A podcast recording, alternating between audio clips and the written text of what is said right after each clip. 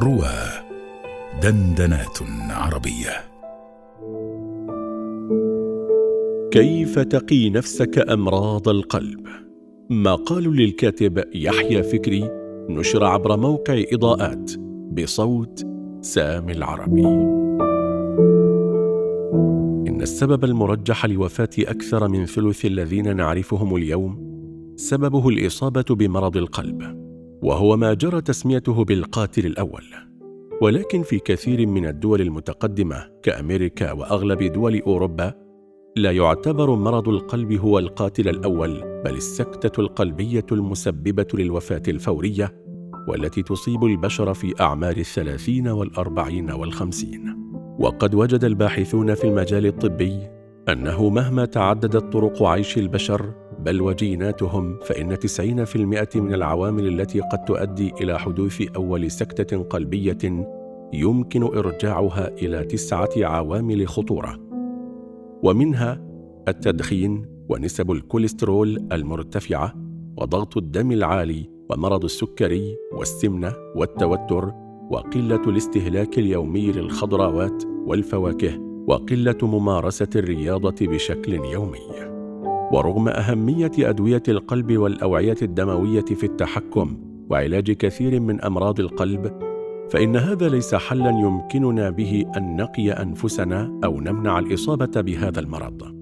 حيث تشير الأبحاث إلى أن الفائدة الحقيقية لهذه الأدوية في تقليل خطورة الوفاة سنويا لا تتعدى الواحد بالمئة للمرضى هذا غير الأعراض الجانبية الخطيرة التي تصيب ستة في المئة منهم. تصلب الشرايين وانغلاق الأوعيات الدموية يبدأ في الطفولة. في عام 1953 نشرت مقالة طبية غيرت نظرة الطب إلى أمراض القلب وكيفية تطورها إلى الأبد. حيث شرحت 300 جثة من قتلى الحرب الأمريكية الكورية وكان متوسط أعمارهم 22 سنة وقد وجد أن 77% من قلوب هؤلاء كانت تدل بشكل قاطع بل وبالعين المجردة على إصابتهم بتصلب الشرايين التاجية وانغلاق شرايينهم بل إن بعضا منها كانت مغلقة بنسبة تصل إلى 90% أو أكثر. آثار هذا البحث اهتمام الوسط الطبي خصوصا أنه أوضح وبشكل كبير أن الشرايين التاجية المحيطة بالقلب قد تعاني من التصلب والانسدادات لسنين طويلة وربما لعقود قبل أن تظهر أعراضها بشكل إكلينيكي على المريض وكان السؤال حينها متى تبدأ هذه الشرايين في التصلب والانغلاق؟ وأظهرت الأبحاث اللاحقة أنها تبدأ في عمر العشر السنوات. بعد ذلك وفي الثمانينيات ظهرت دراسة للقلب قامت بدراسة قلوب الموتى من عمر ثلاث سنوات إلى عمر ستة وعشرين عاما واشتملت على ثلاثين شخصا. وكان الملام الأول الذي تمت الإشارة لمسؤوليته عن أمراض القلب هو الكوليسترول. وفي دراسة أخرى لاحقة تمت دراسة قلوب ثلاثة آلاف شخص كانت وفاتهم نتيجة حوادث مفاجئة وتوصلت إلى نفس النتائج. وبعد انتهاء الدراسة تم وضع نظام تقييمي scoring system يستطيع أن يتوقع لمن هم في أعمار صغيرة إذا كانوا يعانون من تصلب وانسدادات للشرايين أم لا. وكلما حصلت على درجة أعلى في التقييم كنت أكثر عرضة لأن تكون مصابا بتصلب الشرايين التاجية المحيطة بقلبك. إذا كنت مراهقا أو في العشرينيات وأوائل الثلاثينيات وكنت مدخنا فإن الخطورة تزيد بمقدار نقطة واحدة وإذا كنت ممن يعانون من الضغط العالي في عمر صغير فهذا يضيف أربع نقاط في معدل الخطورة وإذا كنت تعاني من السمنة فهذا يضيف ست نقاط. ولكن إذا كنت تعاني من نسب كوليسترول مرتفعة فوق المئتين وعشرين فهذا يعطيك ثمانية نقاط من الخطورة. وبالتالي فتصلب الشرايين يبدأ في الطفولة وتبدأ الشرايين في الانغلاق في عمر العشرين ويسوء الأمر في أوائل الثلاثين وعندها تبدأ حالات الوفاة من أمراض القلب في الظهور. وبالتالي فلأي شخص يقرأ هذه المقالة ممن هم أكبر من عشر سنوات يتحول الأمر من مجرد وقاية لأمراض القلب إلى كيف يمكننا أن نعكس هذا المرض قبل أن تبدأ أعراضه في الظهور. الكوليسترول المسبب الرئيسي لتصلب الشرايين. صرح الدكتور ويليام كليفورد روبرتس وهو رئيس معهد بايلور للقلب وقام بنشر 1387 رسالة علمية ونشر 12 كتابا عن القلب وهو رئيس تحرير المجلة الأمريكية للقلب لمدة 25 عاما بأنه مهما كانت عوامل الخطورة كثيرة للإصابة بأمراض القلب فكل هذا لا يهم. إذا كان مستوى الكوليسترول لدى الشخص منخفضا وذلك لأن كل عوامل الخطورة تساهم في تسريع تسرب الكوليسترول على جدران الأوعية الدموية مما يؤدي إلى تصلب الشرايين. ولكن إذا كان مستوى الكوليسترول منخفضا بشكل كاف ففي غياب اللبنة الأساسية التي تقوم بإغلاق الشرايين فإننا سنكون منيعين ضد الإصابة بالمرض بشكل كبير وهنا يصبح السؤال القائم ما هو مستوى الكوليسترول الذي نصبح عنده منيعين ضد أي نوبات قلبية؟ يحتوي الدم على نوعين من الكوليسترول الكوليسترول الجيد HDL والكوليسترول السيء LDL وتشير الدراسات والبيانات المتراكمة عبر العقود الماضية إلى أن المستوى المثالي للكوليسترول السيء LDL هو بين 50 إلى 70 mg DL وتعتبر هذه النسبة هي العتبة التي إذا ما زادت النسبة عنها فإن النوبات القلبية يمكن لها أن تبدأ بالحدوث. إن مستوى الكوليسترول هذا هو الذي نبدأ به طبيعيا عند الولادة، وهو مستوى الكوليسترول الذي يمكن أن نراه عند المناطق الخالية من أي أمراض للقلب، وهو أيضا نفس مستوى الكوليسترول الذي يمكننا أن نجده عند بقية الرئيسيات primates في المملكة الحيوانية. وللتحقق من هذه النسبة فإن عددا من الدراسات الضخمة والواسعة على شرائح كثيرة ومختلفة أشارت إلى أنه كلما زادت نسبة الكوليسترول صاحب ذلك زيادة نسبة في تصلب الشرايين.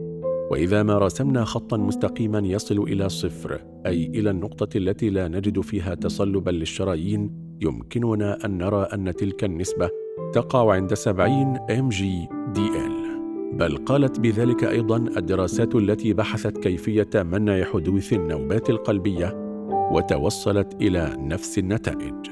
وفي دراسة فرامنغهام للقلب والتي استمرت لمدة 26 عاما جاء فيها أن 35% من النوبات القلبية تحدث لهؤلاء الذين تقع مستويات الكوليسترول عندهم بين 200 و 150 MGDL بل ووصول مستوى الكوليسترول لكثير من الدول إلى 200 MGDL يضمن وفاة ملايين من الأشخاص سنوياً بأمراض القلب.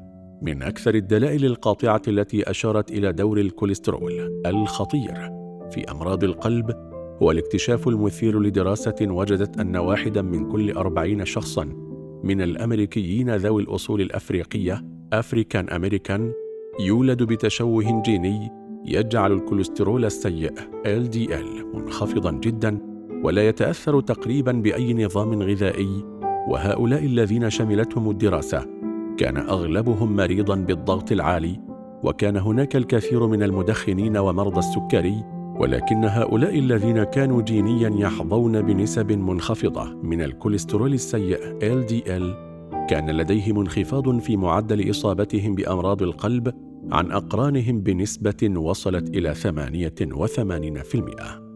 بينما ما تقوم به أدوية تخفيض الكوليسترول على سبيل المثال هي أنها تقلل معدل الإصابة بنسبة تصل إلى 30% فقط. وفي دراسة أخرى نشرت في أواخر العام الماضي وجدت أنه حتى لو كنت لا تمتلك أي عامل من عوامل الخطورة التي قد تسبب أمراض القلب فإن هذا لا يعني أنك لن تصاب بنوبات قلبية طالما كان الكوليسترول السيء لديك فوق السبعين. ويمكننا أن نرى في الرسم البياني أنه كلما زاد معدل الكوليسترول السيء كانت نسبة وجود تصلبات للشرايين عالية. الصدفة العظيمة أمراض القلب والتغذية. كانت النرويج واحدة من عدة دول أوروبية احتلها النظام النازي الألماني إبان الحرب العالمية الثانية بين عامي 1939 و 1945 استحوذ الألمان على محصول المواشي من الدول التي احتلها مما جعلهم يعتاشون على الحبوب والبقوليات والخضروات والفواكه.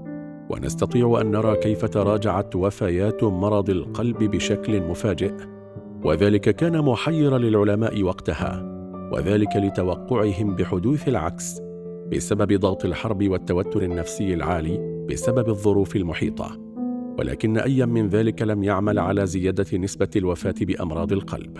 في عام 1945 وبعد انتهاء الحرب عادت المنتجات الحيوانية لتصبح متاحة مرة أخرى. ويمكننا أن نلاحظ فورا عودة معدلات الوفاة من مرض القلب مرة أخرى إلى الفترة التي ما قبل الحرب. تراجع نسبة الوفيات جراء أمراض القلب في النرويج خلال الحرب العالمية الثانية. أثبت دكتور دين أورنيش وزملاؤه أنه بالتغذية المعتمدة على التقليل من المنتجات الحيوانية بنسبة 95% والاعتماد على نظام تغذية يعتمد على الخضروات والفواكه والبقوليات والحبوب الكاملة وبعض التغييرات في طريقة المعيشة يمكن لمرضى القلب أن يخفضوا نسبة إصابتهم بالذبحة الصدرية بنسبة 91% وبالمقارنة كان هؤلاء الذين لم يتبعوا برنامج دكتور دين اورنيش معرضين للإصابة بنوبات قلبية بنسبة تصل إلى 186% كان هذا في التسعينيات من القرن المنصرم وكان عدد مرضاه وقتها لم يتجاوز الاثني عشر مريضا. أما الآن وفي دراسة حديثة تضمنت عينة من المرضى تجاوزت الألف مريض وفي غضون ثلاثة أشهر فقط. شفي 74% منهم تماما من دون أي أدوية وأي تدخل جراحي. وذلك بالالتزام بالنظام النباتي الخالي من المنتجات الحيوانية. والذي يعتمد على نظام لا تتعدى فيه نسبة الدهون الخمسة عشر في المئة من مجمل الأكل اليومي. وبعد ذلك قام الدكتور كالدويل إيسيلستين وزملاؤه في معهد كليفلاند بنشر دراسة في عام 2014 تضمنت 198 مريضا بالقلب وكان نصفهم قد تعرض لنوبات قلبية قاتلة. وقاموا بتركيب دعامات للقلب بل واحتاج بعضهم لعمليات زراعة للقلب وكان تم نصحهم بالتحول إلى النظام النباتي. والتزم 177 منهم بنظام التغذية النباتي بينما لم يلتزم 21 شخصا من ال 177 شخصا الذين التزموا بهذا النظام الغذائي لمدة أربع سنوات. أصيبت حالة واحدة بنوبة قلبية واحدة وتم شفاء ما يقرب من 22% منهم وكان هذا على عكس الواحد والعشرين شخصا الذين وصلت نسبة إصابتهم بنوبات قلبية إلى 60% بل في دراسة أخرى أقدم قدمها الدكتور إيسلستين أظهر فيها كيف كانت نتيجة الالتزام بالنظام الغذائي النباتي لمدة ثلاث سنوات والتي يمكن وصفها بالمذهلة حيث عادت الشرايين سليمة مئة في المئة مرة أخرى من دون أي تدخل جراحي. الوقاية من أمراض القلب إذا كان الكوليسترول هو المتهم الأساسي فيجب علينا أن نقلله أو أن نتجنبه، وذلك بتجنب الدهون المهدرجة والدهون المشبعة والكوليسترول. والأطعمة التي تحتوي كل هذا هي الجبنة والآيس كريم والدجاج والبيض. يأتي بعد ذلك الكعك والبسكويت واللحوم الحمراء والألبان. وفي دراسة اشتملت على أحد عشر ألف مشارك لمدة سبعة عشر عاماً وجدت أن 43% منهم كان يأكل اللحوم أقل من مرة واحدة في الشهر و62% كان يأكل الخبز كامل الحبوب يومياً و77% منهم كان يأكل الفاكهة يومياً وثمانية وثلاثين في المئة منهم كان يأكل الخضروات بشكل يومي وكان نتيجة الدراسة أن هذه المجموعة ككل كانت أقل عرضة للوفاة بأمراض متعلقة بالقلب بنسبة تصل إلى خمسين في المئة. وتأتي إرشادات منظمة القلب الأمريكية للوقاية من أمراض القلب بالامتناع عن التدخين وتناول الفواكه أربع مرات أسبوعيا على الأقل وتناول البقوليات أربع مرات على الأقل اسبوعيا وتناول الحبوب الكاملة والخضروات بأكثر كميات ممكنة للإكثار من استهلاك الطعام المليء بالألياف والتقليل من تناول اللحوم الحمراء وتناول اللحوم منزوعة الجلد والتقليل من الزيوت وخصوصا الزيوت المهدرجة والتقليل من استخدام الملح والامتناع عن المشروبات التي تحتوي على السكر وممارسة الرياضة 170 دقيقة على الأقل في الأسبوع.